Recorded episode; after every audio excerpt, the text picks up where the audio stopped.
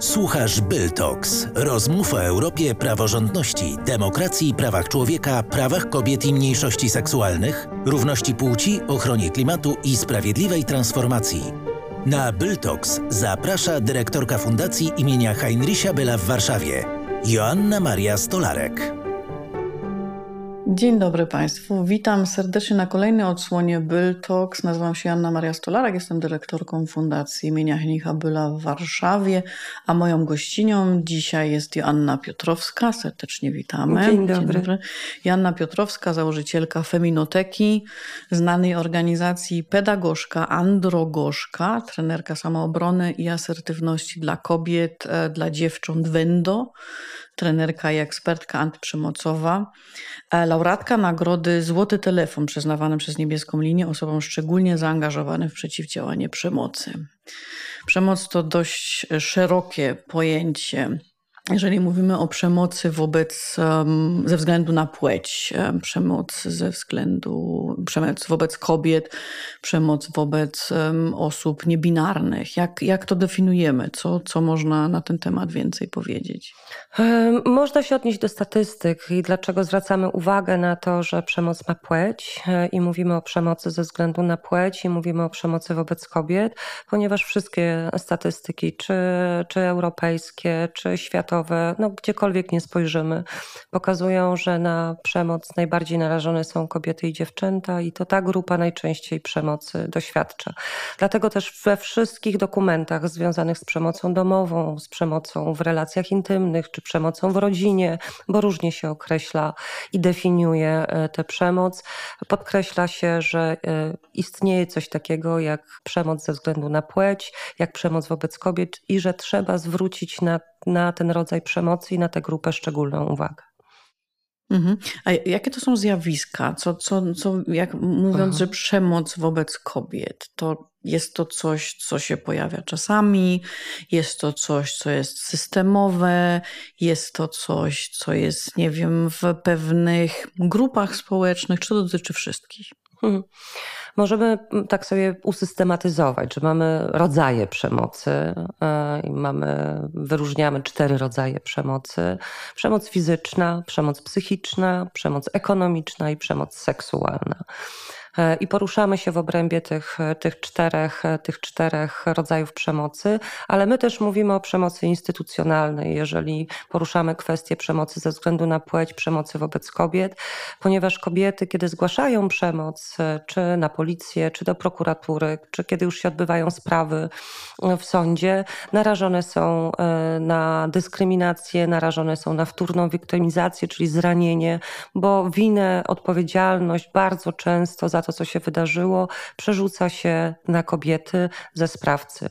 No, jest to bardzo widoczne i, e, i myślę, że takie też najbardziej bolesne w przypadku przemocy seksualnej ponieważ kobiety są wypytywane też o bardzo intymne e, szczegóły z ich życia, są rozliczane z tego, jak się prowadziły, ile miały partnerów, jak były ubrane itd. Tak itd. Tak I te pytania padają po prostu od przedstawicieli instytucji wymiaru sprawiedliwości, co nie ma zupełnie żadnego znaczenia do udowodnienia, czy do przemocy doszło, czy też nie. A jeśli chodzi o przemoc domową, przemoc w rodzinie, to bardzo bardzo często jeszcze w Polsce ten rodzaj przemocy jest lekceważony. Ciągle jeszcze pokutuje w społeczeństwie, ale też przed, w, u przedstawicieli e, różnych służb, e, że przemoc domowa nie jest niczym poważnym. No, ludzie się kłócą w związkach i w relacjach, są konflikty, to jest coś normalnego, więc często ta przemoc jest lekceważona. Mm, albo nie daje się wiary, że do przemocy doszło. A trzeci obszar jest taki trudności, mm, że jest trudna do udowodnienia bo o ile przemoc fizyczna może pozostawić ślady, chociaż to też niekoniecznie tak może być, no to trudniej udowadniać przemoc psychiczną, przemoc ekonomiczną czy przemoc seksualną, jeżeli ona się dzieje w czterech ścianach domu. Po prostu jest to słowo przeciwko słowu. Niestety tak się dzieje, ale to tylko w przypadku przemocy wobec kobiet i to też pokazuje, że to jest specyficzny rodzaj przemocy, na który trzeba zwracać uwagę, że tylko w, tych, w tym rodzaju przestępstwa, bo przemoc jest przestępstwem, jest ścigana z urzędu i jest wpisana w kodeksie karnym, tylko w przypadku przemocy, a zwłaszcza przemocy seksualnej, osoby, które doznały krzywdy, są w ten sposób traktowane. W przypadku innych przestępstw tak się nie dzieje. Mhm. A przemoc ekonomiczna? Przemoc ekonomiczna, można powiedzieć tak, z jednej strony jest i łatwa do udowodnienia, bo może mieć jakieś e, dowody, na przykład brak dostępu do wspólnego konta. No możemy po prostu to pokazać. Tak, no nie mam dostępu do wspólnego konta, mąż czy partner, tutaj głównie mąż, no bo to w przypadku małżeństwa, po prostu nasz majątek jest wspólny. E, więc e, być może łatwiej jest udowodnić, ale przemoc ekonomiczna jest jeszcze rodzajem przemocy, który jest w Polsce słabo rozpoznany i mało się jeszcze o nim mówi. Więc myślę, że tu największą barierą e, jest jeszcze niska świadomość i niska wiedza. Nie tylko wśród służb, ale też wśród samych, samych kobiet, że istnieje coś takiego jak przemoc ekonomiczna i do przemocy ekonomicznej zalicza się także niepłacenie alimentów na rzecz dzieci. Mhm. Coś, co niestety się dzieje dość jest często. Powszechne. Mhm. Większość e, osób, które ma zasądzone alimenty, głównie są to ojcowie, mężczyźni, to jest około 80% tych alimentów nie płaci. Mhm. Czyli kobiety znajdują się po tej słabszej stronie. Tak, zdecydowanie tak. Słabszej z jednej strony mm, ta, ta słabość wynika po prostu z, z, ze społeczeństwa, w jakim żyjemy, gdzie to, co męskie jest ważniejsze i bardziej uznawane, czyli pozycja kobiety jest niższa, ale też biologicznie. E, po prostu większość kobiet jest słabsza od mężczyzn jesteśmy po prostu w, też w tej fizycznej, e, gorszej sytuacji. Trudniej nam się bronić, ale też stereotypy i wychowanie tutaj nawiązuje do tego bronienia się, bo wiele kobiet nie potrafi się obronić, nie potrafi krzyczeć, nie wie, że może w ogóle się obronić i że jej obrona też fizyczna może być skuteczna i że nie musi, e, nie musi e, doświadczać przemocy albo może się przed tą przemocą bronić. Mhm. Jesteś, mówisz o obronieniu się. Tak. Jesteś trenerką Wendo. Możesz nam powiedzieć, co to jest? To jest metoda nie tylko obrony takiej fizycznej w sytuacji, kiedy już dzieje się przemoc fizyczna, ktoś nas atakuje fizycznie, ale przede wszystkim to jest uczenie swoich granic, wyznaczania tych swoich granic wiele kobiet i dziewcząt ma problemy z asertywnością, ponieważ nie wie, gdzie ma granice. Wynika to bardzo często z wychowania e, i z socjalizacji kobiet, gdzie nas się ucisza, mówi się, że mamy być e, ciche, ładne, uśmiechnięte, e, że mamy pomagać, opiekować się innymi i tak dalej, ale też na przykład złość piękności szkodzi. To jest takie bardzo częste powiedzonko kierowane do dziewczynek i do kobiet, które hamuje czy powstrzymuje kobiety przed reakcją w obronie własnych granic. E, kiedy ktoś mówi do nas coś nieprzyjemnego, bo to nie chodzi o atak fizyczny, niekoniecznie to musi być związane z fizycznym atakiem, ale może być to też po prostu e, jakaś agresja słowna, jakiś komunikat słowny, mówienie czegoś, co nam się nie podoba, albo zmuszanie nas do czegoś, czego nie chcemy robić. E, I wiele kobiet ma problem z tym, żeby te granice postawić, ale nie tylko, żeby granice postawić. Wiele kobiet nawet nie wie, gdzie ma te granice, ponieważ one były tak już ponaruszane przez całe ich życie, od właściwie od przedszkola, e, że one nawet nie wiedzą, gdzie te granice mają. Więc metoda Wendo uczy tego, uczy gdzie, gdzie szukamy wspólnie z uczestniczkami, gdzie te granice mam i co mogę zrobić, jeżeli ktoś te granice narusza. To, co jest bardzo ważne w metodzie Wendo, e, to jest dbanie o własne bezpieczeństwo. My nie dajemy takich porad, musisz zrobić to, to, to i to i to zadziała, bo każda sytuacja jest inna, każda kobieta jest inna e, i e, musi dobrać, wybrać sobie z tych narzędzi to, co będzie dla niej najlepsze i najbardziej bezpieczne. Bo jeżeli kobieta boi się, że poprzez swoją reakcję na przykład straci pracę, no to nie ma sensu mówienia jej, żeby powiedzieć e, jasnym, asertywnym komunikatem do szefa: Nie życzę sobie, żebyś mi mówił, albo kazał mi robić, albo żebyś nie robił wobec mnie czegoś tam. Wtedy szukamy po prostu jakichś innych, innych rozwiązań. Metoda Wendo składa się z kilku takich komponentów, które prowadzą do tego, żeby dowiedzieć się, gdzie ja mam granice i jak tych granic bronić, e, poprzez pracę z ciałem, bo to jest bardzo ważne, jak się poruszamy, jak stoimy, e, jak chodzimy. Jak gestykulujemy, ale pra też pracę z głosem. I to jest też szalenie ważne, e, dlatego że mm, kobiety mają problem z tym, żeby mówić stanowczo, mają problem, żeby krzyknąć, bo jak kobieta krzyczy, no to nie jest ładna. E, no i ta złość, która tej piękności szkodzi oczywiście. I bardzo często kobiety spotykają się, jeżeli bronią swoich granic, spotkają się z takim e, komentarzem, a co ty jesteś taka agresywna? Kobiety się bardzo tego boją i powstrzymują się przed ochroną swoich granic. Więc to jest też taka praca nad, nad tym, co ja myślę o sobie, co ja myślę o agresji, co ja myślę o stanowczości, co ja myślę o granicach i co ja mogę zrobić jako kobieta, żeby te swoje granice obronić. Uczymy też oczywiście technik fizycznych, samoobrony, bo gdyby coś się wydarzyło takiego, że no nie zdążę inaczej zareagować i ktoś mnie zaatakuje, no to żeby mieć te narzędzia i umieć się też fizycznie obronić skutecznie. Mm. Ale podejrzewam, że to jest też ciągła edukacja społeczna, społeczeństwa, nawet powiedziałabym, bo już wspomniałaś o stereotypach. Jest mm. dużo takich uciszających dziewczynki czy młode kobiety, zmuszające je, jest takie społeczne można powiedzieć, taki społeczny nacisk na to, żeby kobieta była jednak bardziej uległa, nie stawiała się, mówiąc kolokwialnie. Um, to jest takie jakby jest przyzwolenie społeczne na pewne zachowania, na pewne słowa, na pewne standardy, które są złymi standardami, ale to wiemy my jako kobiety często czując coś w brzuchu, że jest coś nie tak, ale trudno nam to ugryźć i trudno rzeczywiście to zmienić, jeżeli jest to taki społeczny konsens. Tak, no bo najtrudniej jest przełamać te stereotypy. Stereotypy mm, są bardzo silnie zakorzenione w naszych głowach i żeby je przełamać, e, no to czasem jest duży wysiłek. Pomaga w tym warsztat Wendo oczywiście i warsztat Wendo ma też ten element edukacyjny, żeby się zmierzyć z tymi stereotypami, żeby się im przyjrzeć, ale też żeby się przyjrzeć stereotypom na temat przemocy, bo te stereotypy na temat przemocy, e, że to kobieta sobie czymś zasłużyła, bo zrobiła e, coś nie tak, że jak była pod wpływem alkoholu, no to sama się prosiła, że jak była taka, nie inaczej ubrana, no to też prowokowała i tak dalej, i tak dalej. I wiele kobiet też te stereotypy ma w głowie i uważa, że e, właśnie trzeba sobie jakoś, no oczywiście w cudzysłowie, ale zasłużyć na przemoc. Także porządnych kobiet przemoc, e, przemoc nie spotyka.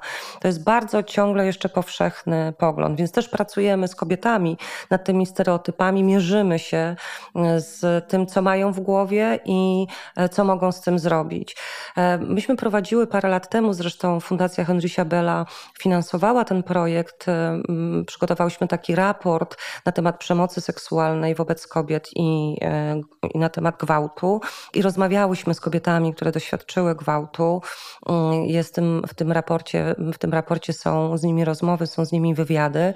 I one same e, mówiły to i podkreślały, nawet te, które mm, uważały się za feministki, że w tyle głowy cały czas miały, że ja jednak musiałam zrobić coś nie tak, że mnie e, ta przemoc seksualna, ten gwałt spotkał, że to ze mną coś było nie tak, że ja coś musiałam zrobić, nie sprawca nie gwałciciel, tylko, tylko ja. Więc to pokazuje, jak to jest bardzo, bardzo silnie zakorzenione i jak mm, jest jaka jest wielka też potrzeba pracy i przełamywania tych stereotypów i edukowania społeczeństwa, całego społeczeństwa. Mhm. Macie jakieś badania na temat, jak powszechna jest e, przemoc wobec, e, ze względu na płeć? E, opieramy się na statystykach policyjnych, ale to są statystyki, które pokazują nam liczbę zgłoszeń. Mhm. Tylko i wyłącznie, czyli tych osób, tych kobiet, które podjęły decyzję, że się zgłaszam na policję, no i też z niebieskiej karty. Tutaj już trochę jest większe spektrum, ponieważ niebieską kartę, e, czyli taki dokument o tym, że przemoc się dzieje, może e, założyć policja, może założyć osoba z ośrodka pomocy społecznej, ale może też założyć lekarz czy lekarka, e, czy też ktoś w szkole, jeżeli to na przykład dotyczy dziecka. Natomiast jest to wierzchołek góry ponieważ tak jak mówię, to są tylko te zauważone, te odnotowane sprawy. No i szacuje się, że większość spraw o przemoc nie jest zgłaszanych, a zwłaszcza jeżeli chodzi o przemoc seksualną, to tutaj te dysproporcje są po prostu gigantyczne, bo szacuje się, że około 8 do 10% kobiet zgłasza przemoc seksualną do jakichś instytucji, czy policji, czy do wymiaru sprawiedliwości, a większość z nich nawet nie szuka pomocy gdzie indziej, ani wśród bliskich, ani w organizacjach pozarządowych, ani w żadnych instytucjach e, czy organizacjach pomocowych, bo boją się i wstydzą po prostu zgłaszać. I tu znowu wracamy do tych mitów, boją się o tym powiedzieć, bo boją się, że spotkają się z reakcją, no a co zrobiłaś, a jak się zachowywałaś, a jak byłaś ubrana i że to jest po prostu moja wina. E, także te bariery też dotyczące zgłoszeń przemocy są cały czas w Polsce bardzo dużo. To też wynika z tego, że kobiety boją się, jak zostaną też potraktowane przez instytucje i niestety e, bardzo często e, jest to obawa uzasadniona, bo tak jak już mówiłam, te stereotypy i mity na temat przemocy wobec kobiet tkwią w głowach też przedstawicieli i przedstawicielek instytucji pomocowych, organów ścigania, wymiaru sprawiedliwości. Hmm, często trzeba by się po prostu postawić w sytuacji, w mhm. sytuacji tej kobiety, pomyśleć, że to mogła być moja córka, moja siostra, moja wystarcza. żona, czy nawet to nie, nie wystarcza. wystarcza. Naprawdę trzeba mieć hmm. wiedzę hmm. o mechanizmach. Takim dobrym przykładem e, jest to, jak się traktuje kobiety, które zgłosiły przemoc e, domową, ale zrezygnowały z dochodzenia praw. Już nie chciały zeznawać, tak, bo mąż powiedział, że on się poprawi, on się zmieni, on już nie będzie stosował przemocy. Kobieta chce w to wierzyć, ponieważ e, bardzo trudno jest podjąć taką decyzję, że się rozstajemy po iluś tam latach, mamy dzieci, mamy wspólny dom, jakiś dorobek. Tak, to jest taka, taki rodzaj porażki, więc bardzo chcemy wierzyć, że skoro mąż czy partner mówi, że się zmieni, e, to, to, to my w to wierzymy i wracamy do tego partnera. Niestety, jeżeli mąż czy partner nie przejdzie terapii, nie przejdzie edukacji związanej właśnie z agresywnością, z stosowaniem przemocy, czy słownej, czy fizycznej, czy jakiejkolwiek innej, nie ma tutaj szansy na zmianę. E, I wchodzi się w takie błędne koło, że najpierw jest tak zwany miodowy miesiąc, jak kobieta na przykład zgłasza sprawę, następuje tak zwany miodowy miesiąc. Mężczyzna zachowuje się tak jak na początku związku, e, przynosi prezenty, kwiaty, gotuje, zaprasza na kolację, no i kobieta wierzy, że wszystko się zmieniło, że znowu będzie cudownie. E, po czym mija jakiś czas i zaczynają narastać najpierw takie drobne, drobne sygnały związane z przemocą, aż do znowu tak zwanej gorącej przemocy, jak to nazywamy, czyli tego wybuchu agresji w różnej, w różnej formie. Niektóre kobiety przechodzą to koło kilka albo kilkanaście razy, zanim podejmą taką ostateczną decyzję, że się rozstają z przemocowym, e, z przemocowym partnerem, ale ta wiedza nie jest powszechna wśród e, przedstawicieli i przedstawicielek wymiaru sprawiedliwości. I bardzo często, jeżeli kobieta ponownie się zgłasza, to czy na policję, czy, czy, czy do prokuratury, no już pani zgłaszała się tutaj trzy razy i odwoływała, potem nie chciała pani zeznawać. To jak chce pani żyć w takim związku przemocowym, to niech sobie pani żyje. Czyli nie mają świadomości, nie mają wiedzy tego mechanizmu. My, jak odbieramy telefony, bo Feminoteka prowadzi telefon pomocowy, E, na który można zadzwonić i porozmawiać z naszymi ekspertkami, ale też umówić się na wsparcie prawne, czy wsparcie psychologiczne, czy terapeutyczne, w zależności od potrzeb, e, to e, zawsze o tym mówimy. Mówimy o tym kole przemocy, bo kobiety często dzwonią i pytają się, co ja mam zrobić My nigdy nie radzimy też, co kobieta ma zrobić, raczej pytamy się, co kobieta chciałaby, co pani by chciała. I one najczęściej mówią, żeby mąż się zmienił. No i tutaj musimy niestety im powiedzieć, że to jest niemożliwe, że mąż się nie zmieni, jeżeli nie pójdzie na terapię i jak będzie wyglądała ta sytuacja, jeżeli e, ona zostanie w tym związku, e, albo jeżeli podejmie jakąś interwencję, a potem wróci do tego związku, ale zawsze podkreślamy, że nawet gdyby pani wróciła, bo ma pani do tego absolutne prawo podjąć taką decyzję, to my zawsze panią przyjmiemy ponownie. Proszę po prostu do nas zadzwonić, jeżeli coś się, coś się będzie działo, ale mówimy o tym. Edukujemy też te kobiety, które doświadczają przemocy, ponieważ one same też nie wiedzą, jak ten mechanizm wygląda. Mhm. Czy robicie szkolenia też dla policji, na przykład dla organów ścigania, dla mm, pracowników sądów, prokuratorów i tak dalej? Staramy się. Mhm. Staramy się, mamy taką ofertę, natomiast z tej oferty e, głównie korzystają e, osoby pracujące w ośrodkach e, pomocy społecznej, w ośrodkach interwencji kryzysowej. Na ostatnich szkoleniach, które prowadziłyśmy na temat tego, jak pomagać, by nie krzywdzić osób po doświadczeniu przemocy seksualnej, w tym gwałtu, było sporo kuratorek i kuratorków, kuratorów, natomiast e, trochę było policjantek i policjantów natomiast nie pojawił się nikt absolutnie z wymiaru sprawiedliwości. I to jest najtrudniejsza grupa, do której bardzo trudno jest dotrzeć, żeby przyszła na tego e, rodzaju szkolenia. Mnie się zdarzyło, Feminoteka ma 18 lat, mnie się zdarzyło tylko raz prowadzić takie szkolenia dla jednej z prokuratur w, w Łodzi na ich zaproszenie. E, I to było jeden, jedyny raz. Mhm, czyli ta świadomość jeszcze nie jest taka na takim poziomie, na jakim powinna być. Myślę, że jedno to świadomość, a też taka potrzeba, że, hmm, że po prostu ta wiedza, naprawdę profesjonalna wiedza e, jest potrzebna sędziom, jest potrzebna prokuratorom, żeby dobrze te sprawy prowadzić, żeby nie powielać mitów i stereotypów i wtórnie nie ranić osób pokrzywdzonych. Że to jest po prostu niezbędne, że to nie jest jak kradzież roweru, czy kradzież samochodu, czy nawet włamanie, czy nawet pobicie. To jest bardzo specyficzny rodzaj przemocy i że jest potrzebna do tego fachowa wiedza. Mhm. Mówiąc o przemocy, wspomniałaś już parę razy przemoc seksualna. Jak, jak ją najlepiej określić? Co to jest? Gdzie, gdzie, mm, gdzie ona się zaczyna? W którym momencie przekroczenia granic jest przemoc seksualna? Do tego należy też gwałt? Czy jest jakaś definicja? Jest jakieś. Jak... Definicja przemocy seksualnej jest bardzo szeroka, bo e, wchodzi w nią i gwałt, ale i molestowanie seksualne, ale i seksistowskie odzywki o podtekście seksualnym. Więc przemoc seksualna jest bardzo szeroko zdefiniowana, e, ale możemy tak to ująć, że przemocą seksualną jest wszystko to, co narusza nasze granice związane z intymnością. Czy to w sposób werbalny, czy to w sposób fizyczny e, wyrażone, coś, co narusza i odnosi się do naszej intymności intymności, do naszej seksualności. Czyli nie wiem, żarty na temat e, na, naszego biustu czy naszych pośladków, to już możemy nazwać przemocą seksualną, molestowaniem seksualnym. Gwałt z kolei, a i musi być brak zgody. I to jest bardzo ważne, że nie ma zgody drugiej strony na tego typu zachowanie. I to jest szalenie ważne, żeby to podkreślać, dlatego że mm, często spotykamy się, kiedy tłumaczymy, czym jest przemoc seksualna, to mm, jak też kobiety mówią, ale ja lubię, jak ktoś tam komentuje mój biust, bo mam piękny i go eksponuję i to jest dla mnie w porządku. Okay, jeżeli ty to odbierasz jako w porządku i jest, masz na to zgodę, no to nie jest przemoc seksualna. Natomiast jeżeli ja na to się nie zgadzam, nie życzę sobie tego typu komentarzy, tego typu komplementów, w cudzysłowie, e, w tej sytuacji, no to jest przemoc seksualna. Więc tu bardzo ważny jest ten brak zgody drugiej strony na tego typu zachowania, na tego typu komentarze, na tego typu e, uwagi. Mhm.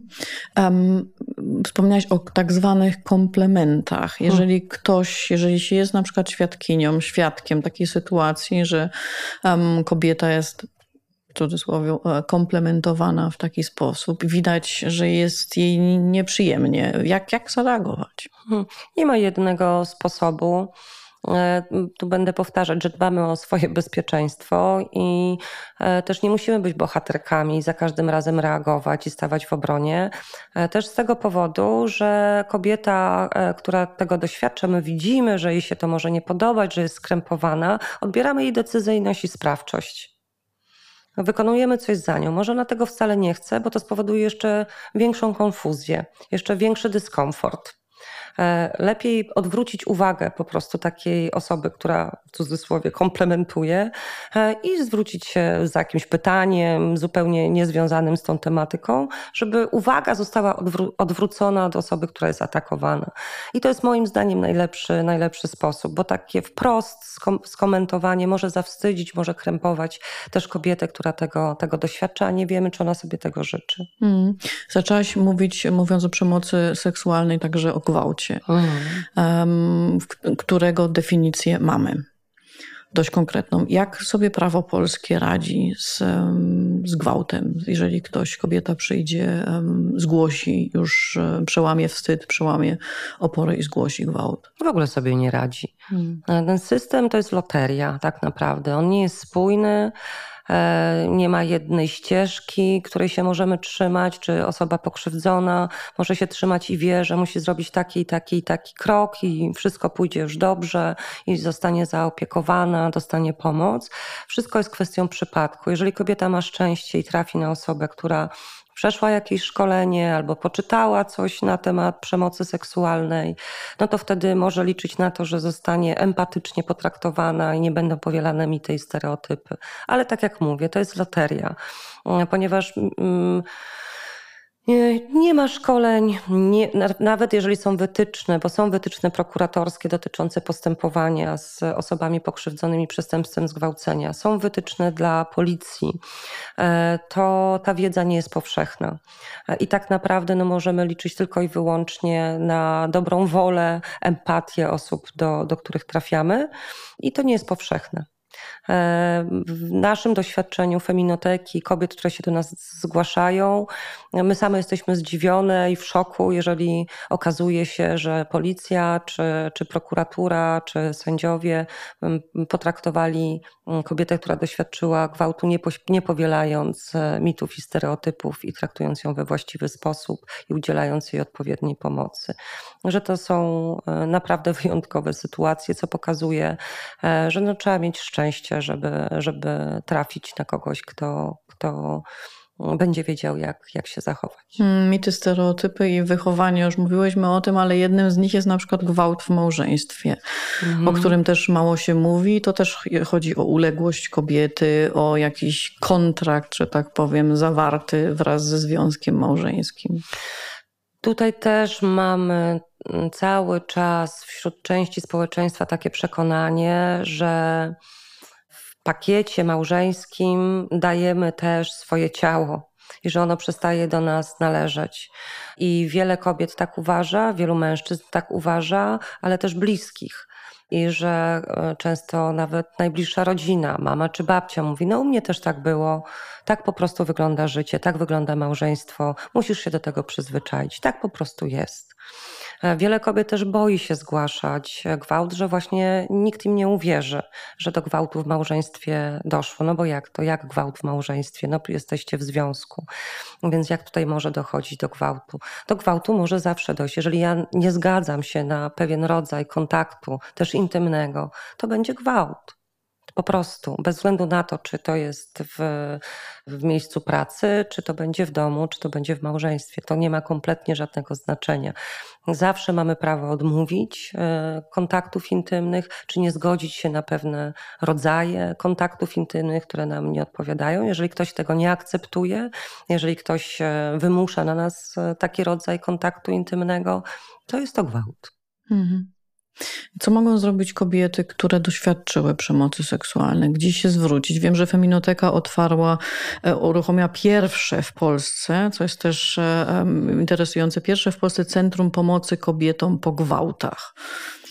Tak, otworzyłyśmy w czerwcu taki punkt dla kobiet, e, by mogły otrzymać taką pełną pomoc, e, żeby nie musiały chodzić od jednej instytucji do drugiej, tylko po prostu przyjść do nas, otrzymają na miejscu pomoc, e, asystę, czyli osobę, która jest przeszkolona i która będzie towarzyszyć kobiecie, na przykład jeżeli będzie chciała zgłosić sprawę na policję, jeżeli sprawa trafi do prokuratury, jeżeli sprawa trafi do sądu, to nasze asystentki będą po prostu tej kobiecie towarzyszyć oczywiście za jej zgodą.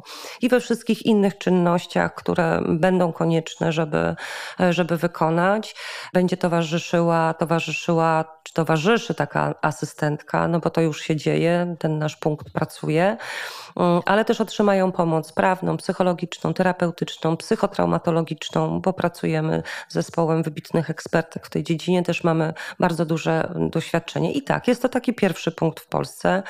Mm, powinien on powstać już bardzo dawno temu. Takie mm, centra pomocy e, po gwałcie, na przykład w Irlandii czy Wielkiej Brytanii, na których się wzorujemy, działają już od 40 lat. Ale to też pokazuje, e, że skoro mamy pierwszy taki punkt i to w dodatku uruchomiony przez organizację pozarządową, e, to pokazuje, jak kwestia przemocy seksualnej, w tym gwałtu, jest w Polsce traktowana, że to nie, nie, nie, nie traktuje się tego rodzaju przemocy z odpowiednią troską, z odpowiednią powagą e, i nie przywiązuje się, nie przywiązuje się do tego wielkiego znaczenia. Po prostu uważa się, że kobiety sobie muszą poradzić, jak zwykle. Więc podjęłyśmy taką decyzję, że taki punkt uruchomimy, ponieważ już od ładnych paru lat skupiamy się właśnie na, specjalizujemy się w pomocy kobietom, które doświadczyły przemocy seksualnej. No i po, bardzo szybko okazało się, że po prostu jest pilna potrzeba otworzenia takiego punktu, żeby kobiety wiedziały, że mogą się tutaj zgłosić i mogą otrzymać pomoc. E, będzie też uruchomiona pomoc medyczna, bo też wiemy, że kobiety mają kłopot, żeby znaleźć zaufaną ginekolożkę czy ginekologa żeby e, też jeżeli chodzi o odpowiednie badanie, ale też pobranie e, odpowiednich rzeczy do, mm, żeby mieć dowody po prostu tego gwałtu, e, ale też na przykład wypisanie pigułki mm, zapobiegającej zejściu w niechcianą ciążę, czyli antykoncepcji awaryjnej, bo w Polsce jest to na receptę i nie wszyscy lekarze i lekarki ginekologii chcą wypisywać te recepty, a też mamy problem z tym, że w niektórych aptekach mogą też farmaceuci i farmaceuci farmaceutki takiej recepty nie zrealizować. Więc e, nasz punkt będzie, e, będzie od tego, żeby, żeby kobietom pomóc, żeby kobietom ułatwić, żeby to nie było na ich głowie, ale też, e, i to też prowadzimy od ładnych kilku lat, taki fundusz pomocy dla kobiet po gwałcie, bo okazało się, że w Polsce jest gigantyczny problem z taką długoterminową pomocą terapeutyczną, znaczy problem, problem finansowy. Jest to po prostu bardzo drogie. E, I wiele kobiet, które doświadczyły e, gwałtu, po prostu na to nie stać i tkwią w, w traumie przez, przez wiele lat i nie mogą wrócić do normalnego życia. Więc staramy się finansować też ten rodzaj pomocy, ale też wykupienie leków w zależności od sytuacji finansowej, bo sytuacja finansowa kobiety, która doświadczyła gwałtu, a 80%, tak pokazują badania, 80% tych kobiet cierpi na stres pourazowy, PTSD. W związku z tym nie są w stanie normalnie funkcjonować. Tracą pracę albo znaleźć pracy nie mogą, sypie im się całe życie, chorują na depresję, też inne choroby wynikające po prostu będące konsekwencją PTSD, mm, czyli takiego gigantycznego stresu. Więc też staramy się pomóc, żeby e, odciążyć je o myśleniu e, o, o finansach. Pokrywamy podstawowe opłaty, leki, wizyty u lekarzy.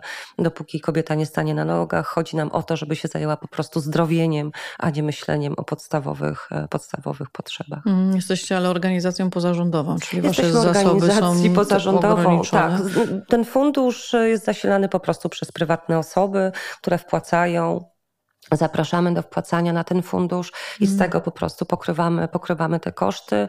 W tej chwili pomagamy kilkunastu kobietom w różny sposób, tak jak mm. mówiłam, bo to może być na przykład e, opłacenie leków, ale może być e, też właśnie opłacenie długoterminowej terapii czy, czy, e, czy, czy terapii psychotraumatologicznej. To bardzo, bardzo różne są potrzeby i na to po prostu zbieramy, zbieramy fundusze od osób nam życzliwych. Ale prowadzicie również własną linię kosmetyczną Samo Dobro.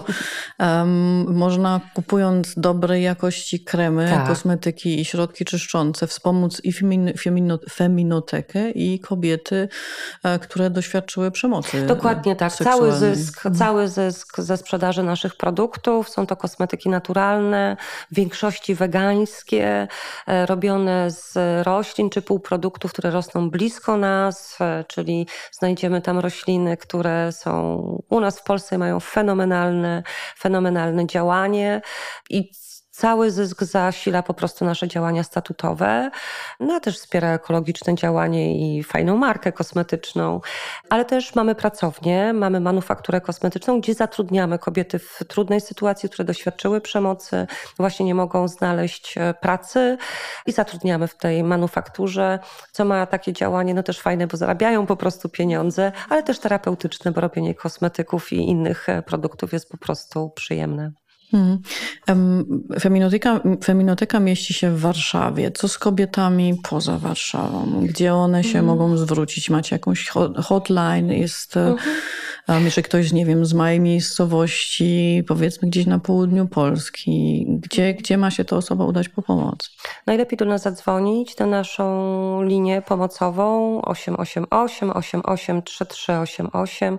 Dyżurujemy od poniedziałku do piątku, od godziny 11 do 19 i mogą dzwonić kobiety z całej Polski. I w tej chwili większość kobiet, która, która szuka u nas pomocy, są kobiety spoza, to są kobiety spoza Warszawy. E, udzielamy pomocy też online Tu się nam przysłużyła pandemia, bo się nauczyłyśmy pracować e, i też nasze terapeutki oferują pomoc online. Też prowadzimy w ten sposób grupy wsparcia, też przez telefon. Szukamy takiej, takiego rodzaju pomocy, który jest najbardziej wygodny i komfortowy dla kobiety, która się do nas zgłasza. Ale też mamy mm, w Polsce zaufane psycholożki, zaufane terapeutki, e, zaufane prawniczki, które wtedy prosimy po prostu o pomoc. Jeżeli jest potrzebna ta pomoc po prostu na miejscu, nie jest możliwy inny rodzaj e, online'owy czy, czy, czy telefoniczny. Także zawsze znajdziemy jakiś sposób na to, żeby pomóc. Mhm, super. W Polsce, Polska nie jest na dzień dzisiejszym krajem, w którym kobiety mają się dobrze. Młode, starsze kobiety, prawa reprodukcyjne, prawa kobiet są często uprzedmiotowiane. Widzimy to też w rozmowie teraz z Tobą na temat tych mitów, tych stereotypów i tak dalej. Widzisz jakąś szansę na zmiany? No nie, działaby, nie działałabym, to już bym gdzieś wyjechała albo zajęła się pszczołami, bo jestem też pszczelarką i, e, i robieniem właśnie kosmetyków, więc e, mam cały czas nadzieję, że, że to się zmieni.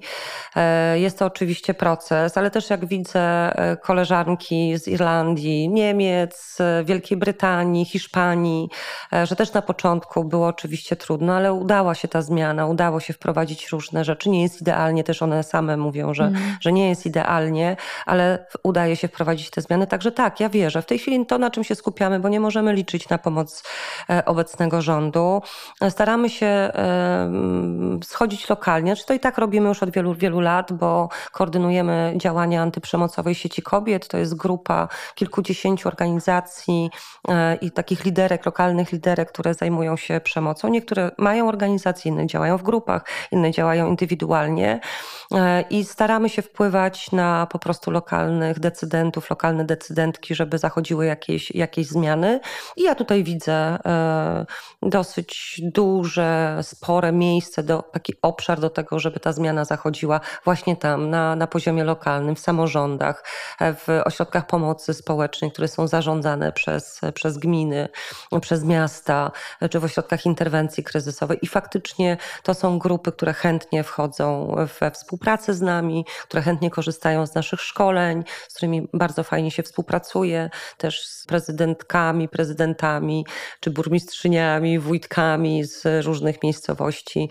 Mm, też mamy dobre relacje i tu widzimy tak, taką, i to chyba daje największą nadzieję i, i, i pozwala się jakoś tak trzymać, e, że, że możliwa jest zmiana, bo tutaj z nimi utrzymujemy dobre kontakty. Mm. A jeżeli mogłabyś sobie coś życzyć, jeżeli chodzi na przykład o prawodawstwo w Polsce, mm to co byłoby takim punktem, który jest najbardziej pilny? E, zmiana definicji gwałtu. Już drugi rok leży w zamrażarce mm, projekt ustawy o zmianie definicji gwałtu, właśnie żeby zawierała kwestię zgody na kontakty intymne, bo tego nie ma i to jest bardzo pilna potrzeba, ale też wiemy, że samo prawo nie załatwi sprawy, nie będzie zmianą, jeżeli nie pójdą za tym szkolenia. Więc chciałabym zmiany prawa, ale też, e, żeby w ślad za zmianą tego prawa poszły szkolenia dla tych grup, do których najczęściej trafiają kobiety i które powinny się odpowiednio zająć pokrzywdzonymi, czyli dla policji i przedstawicieli i przedstawicielek wymiaru sprawiedliwości. Joanna Piotrowska, serdecznie dziękuję. Dziękuję bardzo. To był program Byltox. Wszystkie rozmowy Joanny Marii Stolarek znajdziesz na stronie internetowej Fundacji imienia Heinricha Byla w Warszawie w zakładce Byltox.